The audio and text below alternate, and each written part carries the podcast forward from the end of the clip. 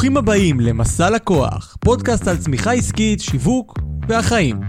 אנחנו נדבר על כל מה שקשור לצמיחה עסקית, מודלים עסקיים, פרסום, מכירות ושיווק, וניתן לכם כלים שיעזרו לעסק שלכם להצליח, ובגדול. בהגשת טל ליברמן ודני גדייב.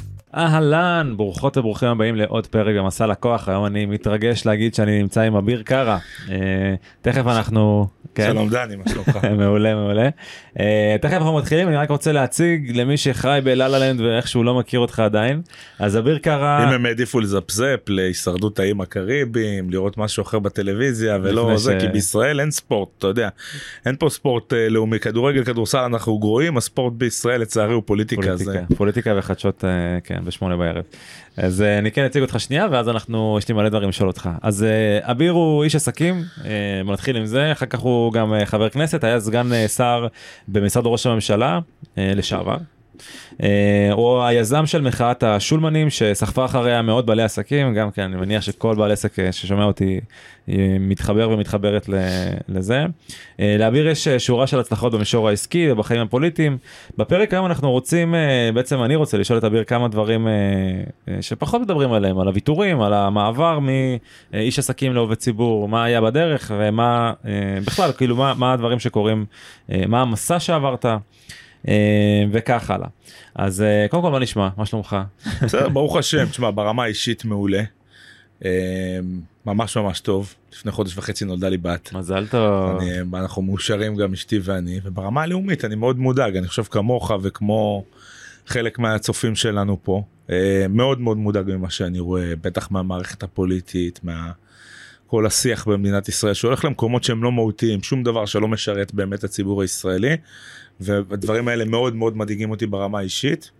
אה, אבל אה, ברמה האישית וברמה האישית אני רוצה להגיד לך שהם מעולה פשוט כן אני מתחבר למה שאתה אומר תשמע יש המון uh, הצעות חוק עכשיו שדי מטרידות אותי uh, אם להיות uh, כמו כן, מה תספר תשתף כל החוק הזה של הארנונה שרוצים לעשות המון מהדברים ש. כל מיני חסמים שהם מוסיפים על, הציבור העסקי בישראל וזה כל כך מטומטם ומחזיר אותנו אחורה. הארנונה לא יעשה כלום כן כאילו זה אולי אולי אולי אפשר בדקה אחת על האירוע הזה רק צריך להבין שקודם כל הבעיה בישראל היא שהארנונה למגורים היא לא ריאלית היא הפסדית. היא הפסדית בגלל זה רשויות, כסף. רשויות בגלל זה לא רוצות לבנות מגורים. לעומת זאת הארנונה לעסקים היא לא פרופורציונלית, היא פשוט במחירים מטורפים. פה במקום שאנחנו יושבים עכשיו, משלמים את הארנונה העסקית הכי גבוהה בארץ, וכנראה בגלל זה הלקוחות של הפרודקאסט, של המקום שאנחנו נמצאים בו, צריכים לשלם קצת יותר כסף. זאת אומרת זה מתגלגל ליוקר המחיה. רצו באמצעות איזושהי קרן ארנונה לעשות חלוקה, אבל הקרן היא מסובכת, והיא רגולציה שהיא לא, לא יצליחו להעביר בכספים, רשויות חלשות לא יקבלו כסף. חוץ מזה מי רוצה לתמרץ בנייה ברשויות חלשות כשאין, בה, כשאין בהם עבודה. אם הם יקימו מרכזים של תעסוקה באותן רשויות חלשות, אז לא יהיה אחרי זה איפה אנשים, לא, אנשים הם לא יזכו לקבל את המענק על הדיור נכון אני חושב שהדבר יש פה איזושהי בעיה מאוד קשה עם מערך התמריצים באופן כללי ואני חושב שזה באמת בעייתי. אה, אם אפשר במילה אז אני חושב שהכי חמור בתוך חוק ההסדרים הזה ואנחנו נמצאים בתוך התקופה הזאת שאנחנו עכשיו הולכים להעביר 13 וחצי מיליארד שקלים לאוכלוסיות שלמות שלא משתלבות בשוק התעסוקה. אני חושב שזה גול עצמי בעיקר של המגזר החרדי שלח נציגים לכנסת שהנציגים בכנסת אמנם בוזזים את כלל הציבור הישראלי עכשיו אבל הם פוגעים ישירות במגזר החרדי הם פוגעים בהם בצורה כל כך קשה וגסה כי הם הולכים לגזור עליהם חיים שלמים של עוני של בערות של אי יכולת להשתלב בשוק התעסוקה בעתיד במקום לדאוג להם באמת לכלים מעשיים שהם יוכלו מחר בבוקר להשתלב להוביל את שוק התעסוקה קדימה הם לוקחים אותם ומדרדרים אותם אחורה ומקפידים שהחינוך שהם יקבלו יהיה תמיד חינוך כל כך גרוע שישאיר אותם מאחור. שנים מאחור אני חושב שזה פגיעה מאוד מאוד גסה אגב בהם. קודם כל במגזר החרדי זה קודם כל בהם זה פגיעה ברמה האישית בהם אבל אני חושב שזה הפגיעה בכלל הציבור גם בתוצר וגם ברווחה של כלל האזרחים במדינת ישראל היא פשוט חסרת תקדים אנחנו עולים פה על מסלול התנגשות. שהוא מאוד מאוד קשה לצערי הרב ואני חושב שבאמת כאילו בשביל שאנחנו נוכל איכשהו לצאת מזה בעתיד יש פה זה אסון מאוד מאוד כבד. צריך להבין שמדובר בסכנה קיומית אמיתית על מדינת ישראל יותר מכל uh, סכנה אחרת שהיא חיצונית שיש לנו ואנחנו צריכים לפעול היום כדי שהדברים uh, ישתנו. אני חושב שדרך אגב הממשלה הזאת דואגת היא מאיצה תהליכים לקראת הממשלה הבאה כבר שתהיה כנראה ממשלה מאוד מאוד ליברלית עם תפיסת עולם חופשית ומה שאנחנו רואים עכשיו אני מקווה זה הפעמים האחרונות שבוזזים את הקופה הציבורית בצורה כזאת. כן, אני, כרגע אני קשה לי להאמין לזה אני אגיד לך גם למה כי אני קודם כל מה שרציתי להגיד זה שהתערבות ממשלתית אה, בהרבה מובנים היא גרועה אנחנו ראינו אה, הדוגמה הטובה לכך זה השלטון הסובייטי שניסה לעשות המון אה, פעולות ואנחנו רואים גם היום המון המון התערבות ממשלתית במקומות הלא נכונים וניסיון גרוע בעיניי של... מה, אנחנו רואים את הפיקוח על המחירים על החלב. זה... עכשיו אנחנו עוד שנייה בשבועות המחירים כל הזמן עולים, עולים. אנחנו נמצאים 80 אחוז. דוגמה טובה. ב- בוא ניתן רגע את הדוגמה על החלב בסדר? יאללה. שזה הדוגמה בעצם זה הדברים גם שהביאו אותי לכנסת פשוט הרגולציה הפריעה לי כל הזמן בתור בעל עסק כן בכיבוי אש ובכולי בדברים היותר קטנים נדבר על זה עוד שנייה. אבל בוא נדבר רגע על משק החלב משק החלב בישראל הוא משק סגור והוא משק מתוכנן מלמעלה ומלמטה זאת אומרת שאנחנו מפקחים על המחירים פעם אחת. ומגבילים את היבוא. שנייה לא רק זה הרבה יותר חמור. שר החקלאות יקבע כמה חלב ישתו אזרחי ישראל במהלך השנה והוא קובע מכסות את המכסות הוא נותן למועצת החלב יש דבר כזה מועצה כן. סובייטית מועצת החלב.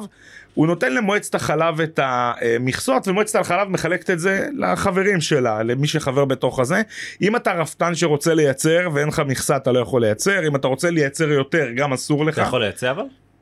אתה לא יכול לעשות כלום בישראל לא אתה לא פשוט לא יכול. אתה לא יכול לייצא את לא לא לא יותר חמור תראה בישראל גם אסור לך לגדל בסוף כאילו ב, למשל בביצים אתה לא יכול לגדל יותר מ-11 תרנגולות אצלך בחצר כי יש לך 11 מטילות זה כבר נחשב משק זה אסור על פי חוק אתה עובר על החוק אם אתה מגדל לעצמך אז אנחנו דקה בחלב רק בשביל להבין יש פיקוח על מחירי החלב מדינת ישראל מפקחת על המחיר היא קובעת אני חושב שהמחיר עכשיו הוא 703 אה, אה, אבל היא מפקחת על המחיר ואנחנו נמצאים עדיין במצב למרות הפיקוח. שהמחירים של החלב בישראל גבוהים ב-80% מאשר רוב המדינות ה-OECD, אין תחרות במשק החלב, זאת אומרת אי אפשר להתחרות שם כי אין קבוצות אחרות שיכולות להגיע, אין יבוא של חלב אסור להביא לישראל ועדיין יש מחסור. בחג שבועות הקרוב הולך להיות מחסור. נשאלת השאלה תגיד למה? אם הרי עכשיו העלו את המחיר אז למה יש מחסור? כי לא משתלם לאותן אה, אה, אה, מחלבות לאותן רפתות כרגע משתלם להשתמש בחלב למוצרים אחרים שאין עליהם פיקוח, לגבינות שלא נמצאות בפיקוח. ואז מה שקורה, בגלל שבשבועות יודעים שימכרו את כל המוצרים אז מה שקורה זה שבמוצרים האלה הם ימכרו במחירים אולי גבוהים יותר כי שם אין פיקוח ואיפה שהחלב המפוקח או איפה שהמוצרים המפוקחים יהיה בהם חוסר. תמיד כשהממשלה מתערבת בכל מקום שבו היא מתערבת ובו יש פיקוח על מחירים נוצרים שלושה דברים מצוקה מחסור ושוק שחור. הדברים האלה חוזרים על עצמם באופן כללי, ותמיד גם המחירים בסופו של דבר עולים. בשוק חופשי לעומת זאת, אם השוק חופשי לחלוטין, אז יהיה מגוון גדול יותר, תהיה איכות גדולה יותר. ומחיר זול יותר. והמחיר, והמחירים יהיו זולים יותר, לא יהיה מחסור. בדיוק כמו שקרה בחמאה. בסוף, מנגנון המחירים, המחיר בשוק יודע לעשות את זה לבד. בחג שבועות יש יותר ביקוש לחלב, המחירים יעלו. כן. מיד אחרי החג המחירים ירדו. יש מנגנון, השוק יודע לעשות את זה לבד, ובכל מקום שבו המדינה מנסה לסרבל ולהתערב ולעשות בעצמה, אנחנו רואים שהדברים האלה חוזרים על עצמם. אגב, אלה הסיבות המרכזיות ליוקר המחיה אה, במדינת ישראל, גם ליוקר הדיור, אבל... כן. אחת מהסיבות הנה החלב זה דוגמה ממש ממש נהדרת. זה גם אחת הסיבות שביקשתי ככה שתבוא לפודקאסט הזה למרות למרות שבסוף אה, אתה יודע יכולתי להעביר עוד פעם אנשים שהם מדברים איתי על שיווק וזה גם איתך אנחנו תכף נדבר כי בסוף זה פודקאסט על שיווק ועסקים. יחד עם זאת זה באמת דברים שאנחנו לא שומעים מספיק בציבור הישראלי כמה שהשוק החופשי הוא, הוא ברכה וצריך לקדם אותו בשתי ידיים וכמה שנכון להיום אה, פוליטיקאים מכל הימין שמאל זה כבר לא משנה המון המון מפלגות לא עושות כמעט שום דבר כדי לקדם את זה. בגלל השיח הרדוד שקיים במדינת ישראל של אה, כן ביבי לא ביבי זה בכלל לא רלוונטי כבר. עכשיו גם אה, כל מבנה שיטת הממשל בישראל היא שפוליטיקאים מרגישים אני חושב שגם אני הייתי בתוך האירוע הזה פוליטיקאים מרגישים הרבה מאוד פעמים שעוד שנייה זה נגמר נכון? כל יום שני יש הצבעת אי אמון בממשלה והפוליטיקאים בטוחים שעוד שנייה זה נגמר אז הם מנסים לחטוף הכל מהמדף וזה הופך את הפוליטיקאים שלנו כל הזמן הם מגיעים מקבוצות לחץ ואינטרס הם כל הזמן רוצים שהקבוצת לחץ שלהם תקבל מתנות והטבות. ההטבות האלה הם תמיד על חשבון הציבור זה לא משהו שהוא אחר. וכשאתה רואה את זה שהפוליטיקאים בישראל הם מאוד מאוד לחיצים למה שקורה מחוץ לכנסת הם עובדים באופן קבוע בצורה מאוד מאוד פופוליסטית. אז זה מעניין כי פוליטיקאים בסוף היום רוצים לעשות מה שהציבור ששלח אותם לכנסת כאילו הוא לפעמים דורש מהם. והציבור לפעמים דורש הרבה מאוד דברים פופוליסטיים. פוליטיקאי צריך לדו, לבוא ולדעת ולהגיד לפעמים לציבור גם דברים שהציבור לא כל כך אוהב לשמוע. לא תמיד זה צריך להיות איזשהו משהו שהוא פופוליסטי. למשל. בארנונה. הארנונה למגורים היא מאוד גבוהה, הארנונה, לעסק... הארנונה למגורים מאוד נמוכה, הארנונה לעסקים היא מאוד גבוהה, זה מייצר תמריץ מעוות לדיור, זה מייצר יוקר מחיה, צריך להוריד את הארנונה העסקית בצורה משמעותית, ממש זה מה שצריך לעשות, זה הטבה לציבור, ומצד שני צריך להעלות את הארנונה למגורים שהיא תהיה ריאלית, שהיא לא תהיה הפסדית, כי אין שום סיבה להפסיד, ואין פוליטיקאי שיעז לבוא ולהגיד את הדברים האלה בתוך הפוליטיקה ולהגיד לציבור את האמת, ואני חושב שאולי בממשלה הבאה בעזרת השם יהיו פה פוליטיקאים שאומרים את האמת לציבור קצת יותר ושהציבור מגיע לכאן עם הרבה יותר נושאים מהותיים וקצת פחות עם הריבים של הטוויטר למרות שאני נהנה גם בטוויטר. אורייט right, עכשיו במעבר אחד אני רוצה שנחזור טיפה אחורה בהיסטוריה uh, בא לי שנדבר טיפה על המעבר שלך מבעל uh, עסק uh, מוביל מחאת השולמנים שעשתה פה שינוי די, די דרמטי במדינה כי פתאום התחילו לשמוע אותנו את בעלי עסקים uh, יש לנו פתאום קול בכנסת זה לא היה זה בכלל לא היה מובן מאליו uh, וזה גם בא... כל העולם מדבר על עצמאים פתאום uh, אתה רואה כל שנייה עצמאי אחר בטלוויזיה מאיפה הביאו אותם איך זה, זה קרה. כן כן כן אז הרבה הרבה בזכותך כמובן אני רוצה שנדבר על התקופה הזאת איך זה התחיל בכלל כל השולמנים כל המחאה הזאת. קודם כל נתחיל מאחורה אני יזם כן אוקיי אמא שלי הייתה שולחת אותי עם סנדוויצ'ים יפהפיים לבית ספר ואני באיזשהו שלב הבנתי שיש ביקוש והתחלתי למכור את הסנדוויצ'ים הייתי בכיתה ב'. של אמא שלך? כן בכיתה ב' ג' בהתחלה היא חשבה שאני טמא כי הרבה פעמים אני מוכר אני מגיע הביתה וכל יום היא שולחת עוד סנדוויץ' ועוד סנדוויץ' נהיה כבר שלושה סנדוויצ'ים ילד בכיתה ב' מה קורה? מה קורה? פה? איך הוא אוכל ככה? אז בהתחלה היא חשבה שאני טמא ואז יום אחד פשוט סיפרתי לה ואמרה לי יופי תמיד תספר לי כי זה חשוב. ואז בעצם היה לי וגם התחלתי אולי בפעם הראשונה להתעסק קצת עם נושא של תמחור ופעם זה. ואני חוזר לסיפור הזה היום כי היום כשלי יש אה, כשאני שולח את אלרועי לגן בבוקר אז אה, מאז שאני לא בכנסת יש לי את הזמן אני לוקח אותו כל בוקר. אה, ואני מכין לו ארוחות מטורפות. למה? כי אתה יודע עין רואה לב חושק וזה דברים שלמדתי שם. שלבים יותר מאוחרים אז באמת כל החיים הייתי יזם. עבדתי בהתחלה בפרחים מגיל 13 יחד עם אחי היה לנו בהתחלה כמה דוכנים בירושלים בסוף פשוט בגיל 17 היינו מרוויחים כמעט 4,000 שקל בשבוע, כי היה לנו דוכנים בכל ירושלים, עוד בתקופה שלא היה זה, היינו מאוד מאוד תחרותיים, מאוד טובים, והתגייסתי לצבא, ואחרי הצבא מיד גם כן פתחתי כמה עסקים, ולאורך כל הדרך, אני חושב מהרגע שהשתחררתי מהצבא, אני חושב שלאורך כל הדרך תמיד הרגשתי שיש מישהו במדינת ישראל שמנסה לנצח אותי. שאתה פותח עסק ויש לו דרישות מטורפות ויש לך רגולציה ובירוקרטיה קשה ואם אתה חס שלום מרוויח כן אז המדינה יודעת לבזוז 50% מפירות ההצלחה שלך ולקחת אותם למישהו אחר והרגשתי שנים באמת הרבה שנים זה היה, עלי, זה היה לי על, על, על הבטן.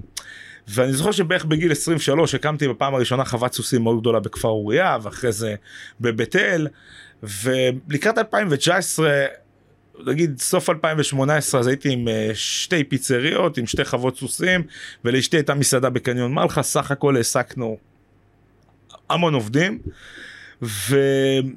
והרגשתי כל הזמן שלא משנה כמה אני עושה כמה אני משקיע כמה אני תורם כמה אני מתרוצץ יש מישהו שקם בבוקר מהצד השני ועושה הכל כדי להכשיל אותי ועושה הכל כדי שב... מסלול ההמראה שלי הוא יניח הרבה מאוד שקים שאני לא אוכל לעלות בהם ופגשתי אנשים. גם uh, ב-2018 ו-2017 כבר התחלתי לפגוש אנשים שמעתי שאני לא לבד באירוע הזה שיש עוד אנשים שמרגישים בדיוק כמוני שהמדינה חונקת אותם באלף ואחד חוקים עקומים שהם רוצים לשנות שהם זה ונשבעתי שיום אחד אני אשנה את זה. ב... אני עם אשתי 17 שנה והתחתנו לפני 12 שנים ו-10 שנים באמת uh, עבדנו מאוד קשה כדי להביא ילד לעולם היה לנו קשה. ממש מאתגר, אתה יודע, עם כל הטיפולים וזה, ולא לא הלך לנו, גם היינו בטוחים שבאיזשהו שלב זה כבר לא יקרה יותר. ו... ובאיזשהו שלב, אה, במהלך אה, אמצע 2018, כשהיינו בתוך טיפולים כאלה, לאשתי הייתה מסעדה בקניון מלחה, ובאחד מהימים בתוך הטיפולים, פתאום היא קמה עם כאבי בטן וכאלה, והיה לנו שם איזשהו אירוע. אה, אה, מאוד מאוד מסובך, התעוררה באמצע הלילה עם כאבי בטן בעקבות הטיפולים, הייתה צריכה להיכנס לחדר ניתוח, לא חשוב. ובאותו לילה אני יושב מחוץ לחדר, זו הפעם הראשונה שהייתי שולמן. כי אני יושב מחוץ לחדר של חדר ניתוח של אשתי בארבע בבוקר, אני חושב על זה, כן יהיו ילדים, לא יהיו ילדים, כי בכל זאת זה חלק מה, מתוך האירוע הזה, ואני יושב בחוץ ואני אומר, מה אני עושה מחר? יש לה 30 עובדים בעסק שלה, יש לי את העסק שלי עם אלף ואחד דברים שאני צריך להתמודד איתם. מה אני עושה מחר בבוקר? אני לבד. בתוך האירוע הזה, ונשבעתי, אני זוכר שהיה בדיקות של אה, כיבוי אש אצלה בעסק, ונשבעתי שיום אחד אני אשנה את זה. לא ידעתי איך, אפילו לא דמיינתי, כאילו לא, בחיים שלי לא הייתי בתוך איזשהו עולם פוליטי, אני כן בא מבית שהוא פוליטי ב, בתפיסות שלו, ואני כן מאוד מאוד מעורב, אבל לא, לא היה לי בחיים כיוון כזה ל, לרמה של פוליטיקה. כמה חודשים, כמה שבועות אחר כך התבשרנו שכל האירוע הזה קרה בגלל שלידה נכנסה להיריון. זה היה באמת התקופה הכי מרגשת בחיים שלנו, אבל נשבעתי שכשהילד ייוולד, אני הולך לעשות שני דברים. אחד, אני הולך לשנות את המציאות של העצמאים בישראל. והדבר השני, שאני מפסיק לעשן. בגלל זה אני 35 קילו יותר ועכשיו שאני יושב מזל שהוא כיוון את המצלמה כי אם לא הבטן שלי הייתה על השולחן אבל uh, הייתי מעשן שלוש וחצי קופסאות ביום פשוט הפסקתי ובאמת בראשון לתשיעי בראשון לראשון 2019 uh, בשעה חמש בבוקר נולד לנו בן. ובחדר לידה קיבלתי את שתי ההחלטות האלה. הפסקתי לעשן באופן מיידי. כמה שבועות אחר כך התחילה מחאה כזאת של uh, וואטסאפים בוואטסאפ של אה, אה, בהתחלה היינו הפנתרים השחורים של העצמאים ואחרי זה אה, שינינו טיפה את הקונספט לשולמנים עם סיפור של שולמן האופה שכתב איציק שהיה איתי בתחילת הדרך והוא כתב סיפור על שולמן האופה שכולם אוכלים מהעוגה של שולמן ורק לשולמן לא נשאר. ואמרתי אה אני שולמן. לקחתי את כל הסיפור הזה כתבתי למטה אני שולמן ונגמרה החגיגה וכששלחנו את הטקסט הזה בקבוצות כולם אמרו גם אני שולמן. אז אמרתי חבר'ה צריך לשנות את השם לשולמן, הוא אומר פתאום שולמן זה אשכנזים, אמרתי חבר'ה.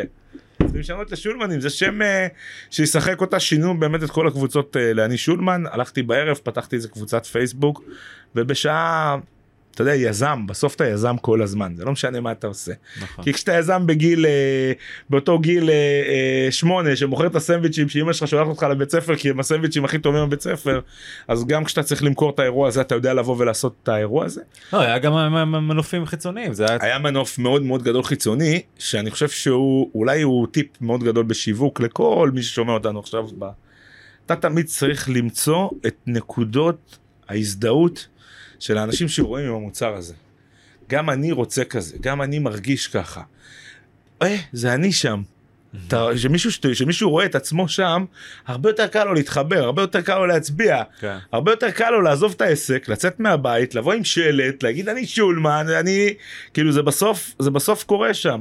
ובעצם אה, באותו רגע שלחצתי על הכפתור במחשב, האמת לא ידעתי מה ההבדל בין קבוצה לבין דף. לבין דף ופתחתי קבוצה בפייסבוק כתבתי אני שולמן באותיות זה. שלחתי בקבוצות וואטסאפ והאמת שבקבוצות וואטסאפ גם לפני כבר יצרתי תשתית. יזם זה יזם. כשאנשים נכנסו לקבוצת וואטסאפ הראשונה מאיפה אתה סחבי? הוא אומר אני מבאר שבע אין בעיה. אתה פותח קבוצה בבאר שבע תכניס את החברים שלך אני אהיה איתך בתוך הקבוצה ונרוץ הלאה. ובאמת שעוד היינו בקבוצות וואטסאפ פתחתי קבוצות בכל הארץ. אנשים לא קלטו את זה אבל אנחנו כבר עבדנו כבר היינו עם תשתית. הגעתי עם תשתית שאין לאף ארגון עצמאים בישראל. יש בארץ 100 ארגונים 100 עמותות כל ארבע שנים יש פה איזושהי מחאת עצמאים יש 100 ארגונים כאלה שאף פעם לא שמעת עליהם נכון חלק מהם אולי אתה שומע כשהם שולחים לך מכתב שמחייב אותך לשלם דמי חבר בכפייה אבל אף אחד לא שמע עליהם ואז פתאום קם פה איזשהו משהו שהוא הפך להיות מפלצת באמת זה כבש את הטלוויזיה. וזה כבש כל מקום, אני מדבר עוד ב-2019, כן? עוד לא היה קורונה. כן. כשאנחנו הגענו לקורונה אני כבר הגעתי מוכן. אני כבר הגעתי מוכן כי הגעתי מוכן עם תוכניות עבודה. Mm-hmm. אחד הדברים הראשונים שעשיתי בתוך המחאה, הוא שמאוד מאוד פחדתי להיות דפני ליף.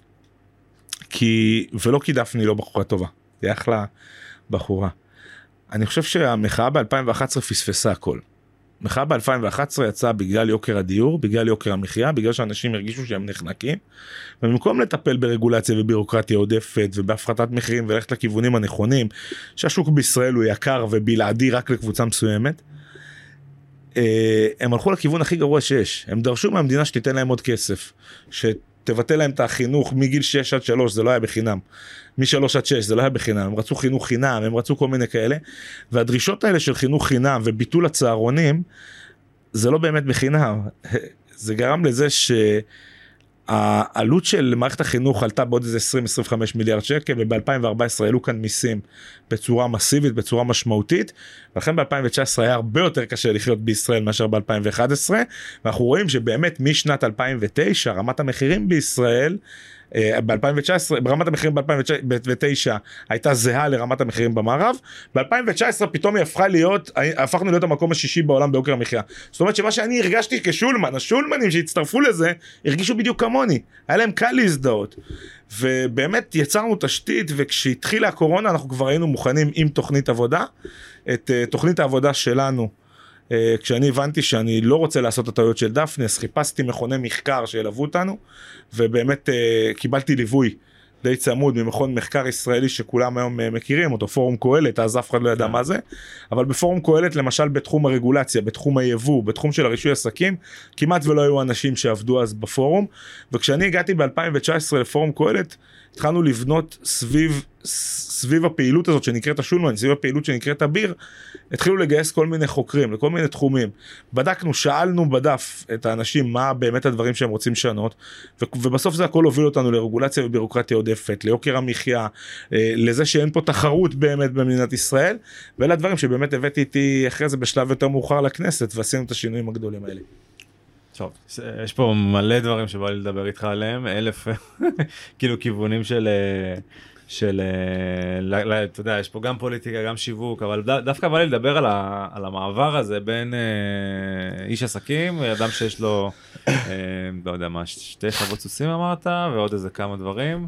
אה, לפוליטיקאי, זאת אומרת, קודם כל, לא יודע אם מישהו שומע אותנו יודע, אבל המעבר הזה, יש ויתורים פיננסיים, זאת אומרת, אתה מוותר בגדול נכון? אתה אמור לוותר כן. על הרבה דברים. תראו, אנשים חושבים, כל מי ששומע חושב, הוא אומר, אה, חבר כנסת מרוויח 45 אלף שקל בחודש. זה גם לא מרוויח, זה הכנסה, לא? כמה נשאר בסוף? האמת שזה לא נכון, 23 נטו זה מה שנשאר. כן, זהו, 23. אה, ואתה לא יכול באמת לנהל חיים, כן. בטח ובטח ברמות שאני רציתי אז גם לעבוד ולהשקיע בעבודה. אז אתה לא יכול לנהל את אורח חיים שלך, בטח לא בשכר כזה, אף אחד לא מגיע לשם בשביל שכר. אני חושב שהנה אני אשבור פה איזשהו מיתוס רוב חברי הכנסת מגיעים עם כוונות טובות רוב גדול כן 100 מתוך 120 מגיעים עם כוונות טובות הם אנשים טובים בבסיס שלהם והם רוצים לעשות טוב למען הציבור. יש אה, מחלוקות אידיאולוגיות יש בדרך אה, מאבדים את הראש כמו שעכשיו מאבדים את הראש לחלוטין כן זה הרבה אנשים טובים שאיבדו את הראש. אה, ו... אז רוב האנשים הם טובים ואף אחד לא מגיע בשביל שכר. רוב האנשים שאני ראיתי שם יכולים להרוויח בחוץ הרבה יותר כסף. זהו זה זה כאילו 23 אלף שקל נטו לא... בסוף היום אם אני הייתי צריך אה, ללכת לשמונה אירועים בחודש כן כל אירוע תשים 300 שקל. שמונה אירועים זה כלום כן? כן, כן. אתה הולך כל ערב ל... לפעמים אתה מגיע לשני אירועים בערב אחד שמתחיל בבת ים והשני צריך להיות בחדרה כי בסוף יש לך גם איזשהו קהל שהולך איתך ואתה צריך uh, להיות שם ואתה כל היום בדרכים 24 שעות בתוך האירוע אז אתה לא שכר רעב, כן, אתה לא תמות מרעב, אבל מצד שני, זה לא בשביל השכר. ושנים בתור יזם, אז היו לי שנים שהרווחתי פי שלוש מזה או פי ארבע, והיו לי שנים כמו כל יזם, יש לך שנים שאתה משקיע ואתה נמצא במקומות שהם אה, יותר נמוכים, אבל אה, מבחינת שכר זה, אתה, אתה, אתה, אתה עושה ויתור. אצלי במקרה הספציפי, אני ב-2019, כבר כשראיתי שכל הדבר הזה קורם עור וגידים, אני פשוט חתכתי הכל והתעסקתי אך ורק בזה. מאמצע 2019 למעשה לא היה לי הכנסה עד כשהגענו לכנסת עד 2021 אני שמתי על הדבר הזה. אני לא רוצה להגיד אבל מאות אלפי שקלים כנראה. והוויתור היה פה גדול אבל זה לא היה מתוך מקום של ויתור הרגשתי שאני עושה משהו בשליחות שליחות, כן. משהו שאני מאמין בו וזה עוד פעם המקום הזה של יוזמה אני לא רואה את עצמי כפוליטיקאי אני רואה את עצמי כיזם גם בכנסת באתי עם כמה פרויקטים שאני רוצה להעביר. רפורמה ביבוא שמחולקת לארבעה פרקים, מכון התקנים, אה, אה, מזון רגיש, תמרוקים שעכשיו כולם מדברים עליהם, פרק החקלאות הוא בתוך היבוא. באתי עם אה, פרויקט לרישוי עסקים למשרד הפנים, באתי עם פרויקט מאוד גדול להקמת רשות להפחתת רגולציה, באתי עם פרויקטים. הפרויקטים האלה השולחן שמתי לי פרויקטורים בתוך המשרד זה היה פשוט ככה זה, זה היה האירוע ככה זה היה נראה כל מי שעבד איתי במשרד יגיד לך את החוויה הזאת כאילו אנשים חוו חוויה שלא הייתה מעולם כי בנינו. מאפס אני רוצה להגיד לך את זה באמת הייתה לנו הזדמנות כי הממשלה הזאת נתנה לנו הרבה הזדמנויות זה ממשלת 61 אתה יודע אני זוכר שקרא לי מיקי לוי ל... אליו למשרד הוא היה יושב ראש אה, הכנסת הוא אומר לי אביר אי אפשר להעביר חוק כזה באמת ברצינות אתה מכיר אותו את הזה שלו. ואני אמרתי לו מיקי אני ימין אני יושב בתוך ממשלה שהיא לא פשוטה לי, אני מוכן לעשות הרבה מאוד ויתורים, אבל על זה ועל זה ועל זה ועל זה אני לא מוכן לוותר, הוא רצה לצמצם את החוק, אני לא יודע אם ראיתם עכשיו, היה הרבה ויכוחים סביב חוק ההסדרים בכנסת, כי זה חוק שמביא איתו הרבה אמוציות, ואני התחייבתי בפניו שאני ארתום את חברי הכנסת לתוך הדבר הזה. ובאמת שבוע וחצי לפני שהחוק הגיע לממשלה, אני יצרתי כמו פרויקטור אמיתי מצגת, ועברתי עם המצגת בין כמעט 50 חברי כנסת, כי חלק מהם היו שרים וכאלה, אבל כמעט 50 חברי כנסת שמשפיעים בוועדות. עברתי עם מצגת אחד אחד על הנושא של הרגולציה, על הנושא של היבוא ועל הנושא של הרישוי עסקים, כי ברישוי עסקים אתה לוקח סמכויות ממשרדים אחרים וזה היה, היה לזה פוטנציאל ליפול. אה, גם בכבאות וגם בכאלה, אבל עשיתי איזושהי מצגת, ואמרנו חבר כנסת, חבר כנסת, והצלחנו לגייס תמיכה מאוד מאוד גדולה בתוך חברי הכנסת. וכשהגענו לוועדות, אני הייתי סגן שר בראש, במשרד ראש הממשלה. סגן שר הוא כאילו מגיע מהממשלה, הוא לא מצביע בוועדות, אבל כשאני הגעתי, הגעתי כל בוקר הלכתי לוועדה.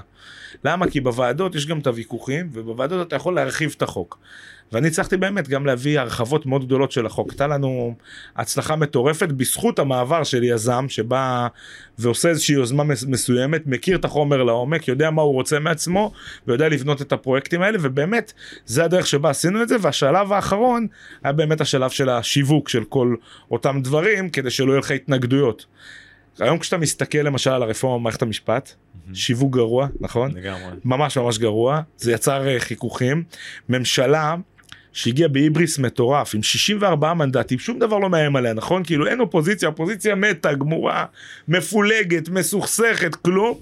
והם הצליחו ב, בעצם גם באמצעות שיווק גרוע לקחת רפורמה נגיד את האמת אין אף אדם בישראל שלא חושב שצריכה להיות רפורמה במערכת המשפט, נכון? כאילו, אנחנו יודעים שיש עינוי דין שלוקח הרבה מאוד זמן, אנחנו יודעים שיש, אתה רוצה לגוון קצת את בית משפט, יאללה, הלכתי על הרעיון הזה למרות שבית המשפט היום הוא מאוד מגוון. אתה יודע מה?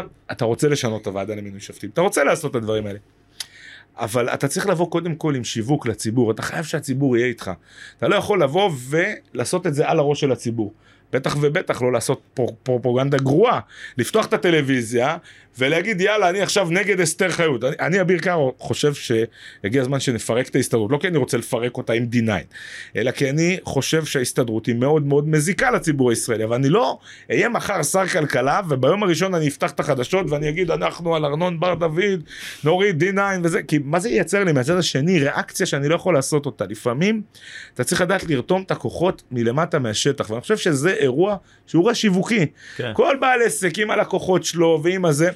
צריך לפעמים לדעת לייצר את השיח מסביב למוצר, לדעת לעשות את הדברים כדי שזה יהיה קצת יותר, אה, אני אגיד פה מילה שאולי זו המילה שאולי לראש, שיהיה קצת יותר סקסי, שיהיה קצת יותר מעניין, ו- ולנסות לרתום אליך אנשים שהם יזדהו עם התחושות שלך, שהם יזדהו עם הרגשות שלך, לא ליצור מלחמה. כי כשאתה יוצר מלחמה אתה מייצר התנגדות והצד השני זה תמיד כמו מטוטלת אתה תפסיד ופה במקרה הספציפי הזה מאוד מאוד דומה ליזם שפותח את העסק שלו ומתחיל אותו מההתחלה בדיוק ככה פעלנו ואני מאוד מאוד שמח זה הביא הישגים אדירים בממשלה הקודמת באמת זה היה הזדמנות אדירה מבחינתי ואני מאוד מאוד שמח על כך. תגיד אה, אז רגע קודם כל לגבי להתייחס למה ש... למה שאמרת זה באמת אני חושב שהם עשו פעולה שהם ניסו להגיד אוקיי בוא נלך על הקיצון ואז נתפשר באמצע כדי שזה יעבור חלק בגרון לא ציפו למחאה ציבורית לא ציפו להפגנות לא ציפו לכל מה שקרה בעקבות השטויות שהם עשו. כי זה פוליטיקאי שחושב שיכול להיות איש עסקים. כן עכשיו זה לא, חבר'ה. אני, אני בכנות חושב שהשתן עלה לכולם שם למוח הם לא חשבו הם אמרו יאללה הכל טוב לא יקרה כלום לא ציפו למה שקרה באמת. הצליחו להחיות אופוזיציה גמורה, התנגדות אדירה בעם, הם כמעט בגלנט, אם הוא לא מחזיר את גלנט, הממשלה מתפרקת, כן. והכי מגניב זה שגלנט הוא זה שהציל אותו פעמיים, זה עצם זה שגלנט נשאר בממשלה, כן, הוא לא הלך איתו ראש בראש, כן. גלנט נשאר בממשלה, והדבר השני שגלנט עושה, זה מבצע מאוד מוצלח בעזה, וצריך לדעת להגיד את זה, זה שאפו דרך אגב לממשלה באופן כללי, אבל שאפו לגלנט. יש לי מה להגיד לך על זה. שאפו לגלנט, אני לא, ידע להתאפק בימים שזה, וידע לתת בראש. אנחנו, אצלנו המדיניות הייתה שונה, אנחנו הגבנו לכל בלון, לכל בלון תבערה, וזה מה שבעיניי מדהים בבנט לצורך העניין, כן? כאילו בנט הוא, יש לו איזשהו מסלול שבו עובדים ומהמסלול הזה לא סוטים. ואם קבעו שלכל בלון תהיה תגובה, לכל בלון תהיה תגובה, וזה פשוט לא יעזור האירוע הזה, וזה באמת עבד. עבד. ראית שהמדיניות הזאת עבדה, ואני חושב שהממשלה הקודמת בסך הכל אה, הייתה ממשלה טובה, באופן כללי אני חושב שאולי הטובה ביותר ב-20 שנה האחרונות אם אתה משקלל את ההצלחות הכלכליות. בצד הפוליטי, בצד הפוליטי זה היה קצת פחות מוצלח. חושב שזו ממשלה שהביאה הרבה הזדמנויות ואני מקווה שבעתיד אנחנו נראה ממשלות עם הזדמנויות בסדרי גודל כאלה שיודעות גם לנצל אותן. לטובת הציבור, כן? לגמרי, לגמרי, אני איתך בעניין הזה. תגיד, מה הסיפור עם ההסתדרות? כאילו, אני אגיד לך בכנות, פרק, אה, אחד הפרקים שהיה לנו לא מזמן היה עם אה, סניה ולברג, שהוא אה, שיווק, עזר בקמפיין של ימין, עזר בכל מיני דברים. וגם איתו דיבר, היה לי... סניה קודם כל הוא אחד החברים הטובים שלי. כן. לא יודע אם הרבה אנשים יודעים, אני הבאתי אותו לימינה. אמ, ובאופן כללי אנחנו עובדים ביחד הרבה מאוד זמן. חברים מאוד מאוד טובים, הוא יזם ישראלי, באמת, מוכשר מאוד, אין כמוהו. אגב, יש המון, אתה, אתה הולך ברחוב, אתה פוגש ישראלים המוכשרים בצורה מטורפת. ואני חושב שהדבר הזה אה, הוא, הוא היה תוספת אדירה בכוח אלינו והאמת בשאלה אם אה, לעשות את אה, תוכנית שווייץ או תוכנית סינגפור אז גם על זה דיברנו אגב. סניה שם עשה את ההכרעה בתוך, בתוך האירוע הזה ואני חושב שהיה היה פנטסטי לעבוד איתו. שאלת מה לגבי ההסתדרות אז כן. תראה מדינת ישראל יש לנו כמה אתגרים כלכליים חמישה מרכזיים. בירוקרטיה ורגולציה עודפת חסמי יבוא וכולי אבל בסוף, אם אתה מסתכל על כל החסמים שפוגעים בשולמנים יום יום, אז אתה מגיע בסוף בסוף בסוף להסתדרות. הסתדרות, הוועדים וקבוצות הלחץ והאינטרס. הפוליטיקאים בישראל מאוד מאוד רוצים לתמוך בקבוצות לחץ כאלה ולכן מאוד מאוד קשה לעבוד מהצד השני, אבל כמעט כל החסמים בשוק אתה מגיע בסוף אליהם. למשל הרפורמה במכון התקנים, העובדים שם הם עובדים שהם עובדי הסתדרות ולכן מייצרים כל הזמן התקן הישראלי, התקינה הישראלית. מכון התקנים התפקיד שלו הוא גם לכתוב את התקן, הוא גם אוכף את התקן, כן? וגם אם הוא לא ימציא תקנים ישראלים ייחודיים, והוא ממציא תקנים לפעמים, לא לפעמים, כל התקינה הישראלית היא מומצאת, אבל אה, אם הוא לא ימציא תקנים ישראלים לא יהיה לשם עבודה, ובסוף אתה רואה שסביב הדבר הזה יש יותר מדי אנשים, בסוף מי שמצלם על זה זה הציבור הישראלי הרחב, מי שמשלם על זה זה השולמנים עצמם, מי שמשלם על הנושא הזה שבישראל השוק הוא לא מספיק. פתוח והוא יקר ובלעדי זה כל אחד מאזרחי ישראל כשהוא הולך לסופר. אנחנו מאמינים אני מאמין שההסתדרות נכון להיום עולה לכל אחד מאזרחי ישראל אלפי שקלים אה, אה, לכל אה, משק בית בכל חודש זה יכול להגיע לעשרות אלפי שקלים uh, בשנה ואנחנו פוגשים את ההסתדרות כמעט בכל אחד מה, מהמקומות שאנחנו הולכים אליהם. ברגולציה ובירוקרטיה עודפת ואני חושב שהגיע הזמן שניפרד מהם. בתחום של ה... בתחום שלנו של העצמאים אז לא הרבה אנשים יודעים אבל ההסתדרות יש לה איזשהו כוח שהוא מגיע מתוקף הסכמים קיבוציים. בטח שמעת את השם הזה. כן. יש היום ארגוני מעסיקים בישראל כל מיני ארגונים שאתה בתור בעל עסק חייב לשלם להם דמי חבר בכפייה גם אם הם לא עושים שום דבר בשבילך. אה, כל מיני כאלה נניח על נגרים יש כזה תחום הנגרים חייבים לשלם להתאחדות מסוימת בישראל ההתאחדות הזאת מקבלת כוח מתוקף מה? היא לוקחת איזה 30 או 40 נגרים אומרת להם אני מייצגת אתכם הולכת עושה על הייצוג שלהם הסכם קיבוצי מול ההסתדרות. ההסכם הקיבוצי מייצר צו הרחבה. צו הרחבה קובע שכל נגר בישראל, לא רק השלושים פה, כל נגר בישראל מחויב עכשיו לשלם דמי חבר בכפייה לאותו ארגון.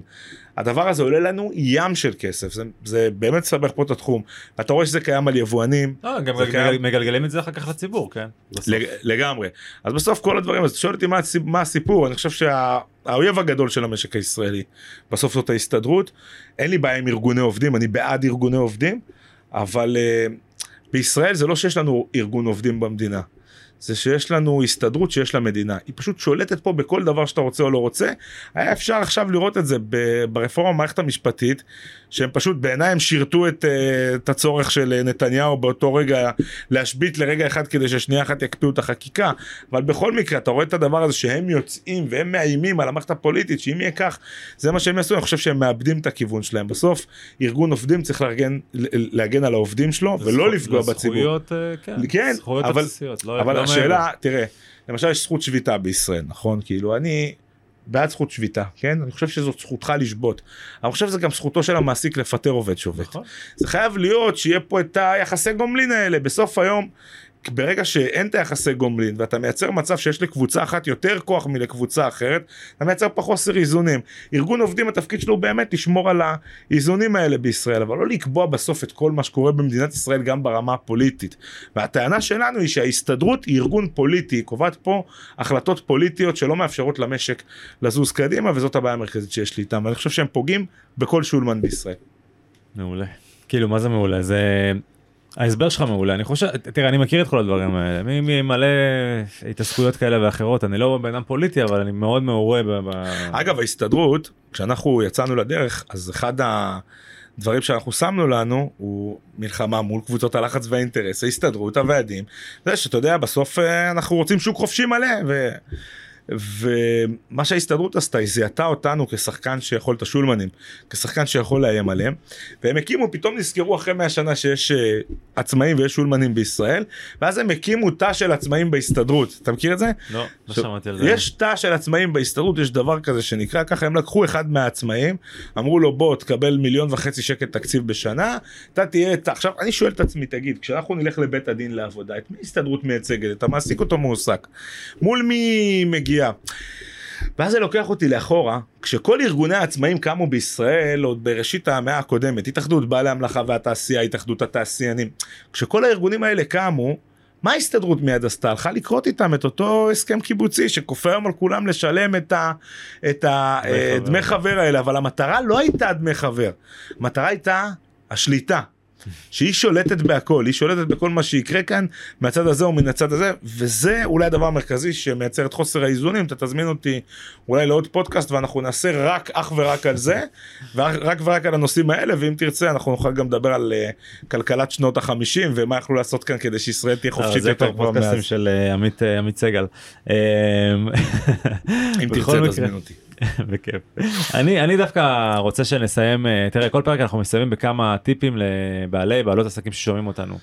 אה, אז דיברת פה על, אה, על השיווק שאיך איך נכון לקדם יוזמות פוליטיות דווקא באמצעות שיווק. על יזמות איך אתה בהיותך סגן שר חבר כנסת באמצעות הכלים היזמיים שלך הצלחת לקדם פרויקטים ש... בכנות אני גם כאילו לא אומר את זה בשביל אה, אה, להרים לך לפרגן לך אבל אני כן חושב שזו השיטת עבודה הנכונה כאילו בסוף זה גם פוליטיקה כאילו לעבור אה, אחד אחד חבר כנסת ולשכנע אותם באמת שלך. אז אה, אבל בוא רגע נחזור שוב לנעליים של, של השולמנים של הבעלי עסקים עצמאיים מה הטיפים הכי טובים שיש לך לתת אז להם. אז תראה קודם כל אני חושב שאצלי גם בפייסבוק הקודם עוד יש איזה משפט כזה שהיה לי משפט בחדר וזה משפט שהולך איתי כל החיים שמוותר לעולם אינו מנצח ומנצח לעולם אינו מוותר מה הופך את המנצח באמת למנצח שהוא אף פעם לא מוותר. אה, ומי שמוותר אף פעם לא מנצח, אין לו באמת סיכוי לעשות את זה. אני חושב שקודם כל צריך שיהיה לך עמוד שדרה, שתהיה חזק, שיהיה, זה הדבר הראשון. דבר שני שאני פוגש הרבה מאוד בעלי עסקים, ואני חושב שזאת אולי הבעיה המרכזית שלהם, שהם לא יודעים להסביר את העסק שלהם בשלוש מילים. לפעמים אתה יודע, מה אתה עושה בחיים? בואו מתחיל לספר לך סיפור של שעה. אתה צריך מאוד מאוד לדעת לקחת את העסק שלך למקום פשוט, לגובה העיניים, לא לדבר גבוה. הדבר השלישי אני חושב שהוא ואני רואה את זה בישראל חוזר על עצמו הרבה פעמים זה הנושא של התמחור. יש פה כלכלת אחי נכון? וואלה אחי אתה יודע מה אני אעשה לך בככה וככה ולא תמכרת את עצמך מראש טוב. בסוף אתה גם לא נותן את המחירים הטובים ואני חושב שתמחור הוא חלק מאוד מאוד משמעותי בתוך העסק שלך אתה צריך לשבת ולעשות את התמחור בצורה נכונה. הדבר הרביעי מתוך uh, טיפ שלי שאני יודע שאולי הוא עובד אצלי הוא שאתה צריך לעשות יומיים בחודש שיש הרבה עסקים אה, אה, שאולי צריכים את זה פחות כן אבל אה, עסקים עובדים בוודאי צריכים את מה שאני אומר עכשיו צריכים להיות יומיים בחודש הם יומיים של ניהול. שבעל עסק צריך לבוא לדעת ולקחת את כל הרווח והפסד שלו ולדעת לשים אותם על השולחן. לפרוט ולדעת גם להכין את זה כן זה לא פשוט לדעת לפרוט ב-15 לחודש את כל ההוצאות שיש לי כל ההכנסות כל הזה לראות שאנחנו עכשיו החודש קיבלנו את הכסף שהגיע לנו מחודש שעבר מפלוני ולעשות את הגבייה ולדעת לעשות שיש לך יומיים בחודש שהם יומיים לניהול שאר הימים תנווט באמת כדי להתעסק במכירות כדי להתעסק בשיווק כדי לטייב את המוצר שלך כדי להיות יותר טוב ולהיות uh, איכותי והטיפ האחרון בסדר כי אני חושב שהוא חשוב מאין כמותו הרבה מאוד פעמים אנחנו מתאהבים ברעיון. הרבה מאוד פעמים אנחנו מתאהבים בעסק, מתאהבים ברעיון, ואנחנו מתחילים לראות שאנחנו תקועים שם הרבה מאוד זמן. אם יותר מדי ימים אתה קם בבוקר ואתה מרגיש שאתה תקוע, אתה צריך לשנות. ואתה צריך לעשות משהו אחר ולפעמים זה לא קל תשמע לפעמים כן. אתה ארבע שנים חמש שנים בעסק התאהבת בו התאהבת בלקוחות שלך התאהבת בזה צריך לדעת לשים קאט לעסק. וכשאתה יודע לשים את הקאט לעסק זה לא שאמרת לעסק ביי ביי. זה אומר שאתה הולך עכשיו לדרך אחרת שתכניס לך הרבה יותר כסף במקום אחר. אני חושב שיעילות היא הטיפ הכי גדול שאני יכול לתת לעסקים באופן כללי. אם העסק שלך לא מספיק יעיל, אם אתה לא מספיק תחרותי, אם אתה לא מרוויח מספיק כסף, אתה צריך לשבת ולעשות את החושבים האלה. יומיים של ניהול בחודש, מכירות, שיווק, תעסקו בעסק שלכם, תביאו הרבה כסף בעזרת השם, ושיהיה פרנסה טובה לכולם. אמן ואמן. אמיר קארה, תודה רבה על הזמן, תודה רבה על הפודקאסט, אנחנו, אני גם מזמין אותך לעוד כמה פרקים בהמשך. יאללה, תודה רבה אחי. תודה. כיף. אה, ולכם מאזונות ומאזינים יקרים אני מזכיר שאנחנו גם בספוטיפיי אפל מיוזיק וגם הפרק הזה משודר בווידאו ביוטיוב שלנו אה, BMF 360 ביוטיוב או אבל פודקאסט. אבל תשתפו כן כאילו זה לא יהיה מצב שיהיה לי לא יהיה לי מספיק צופים כן, כן? שלא תעשו לנו הקיץ של אביה. באתי עד לפה ובאמת אנחנו מבני ברק לרמת גן שתפו. ביי חברים תודה רבה אמיר. תודה רבה.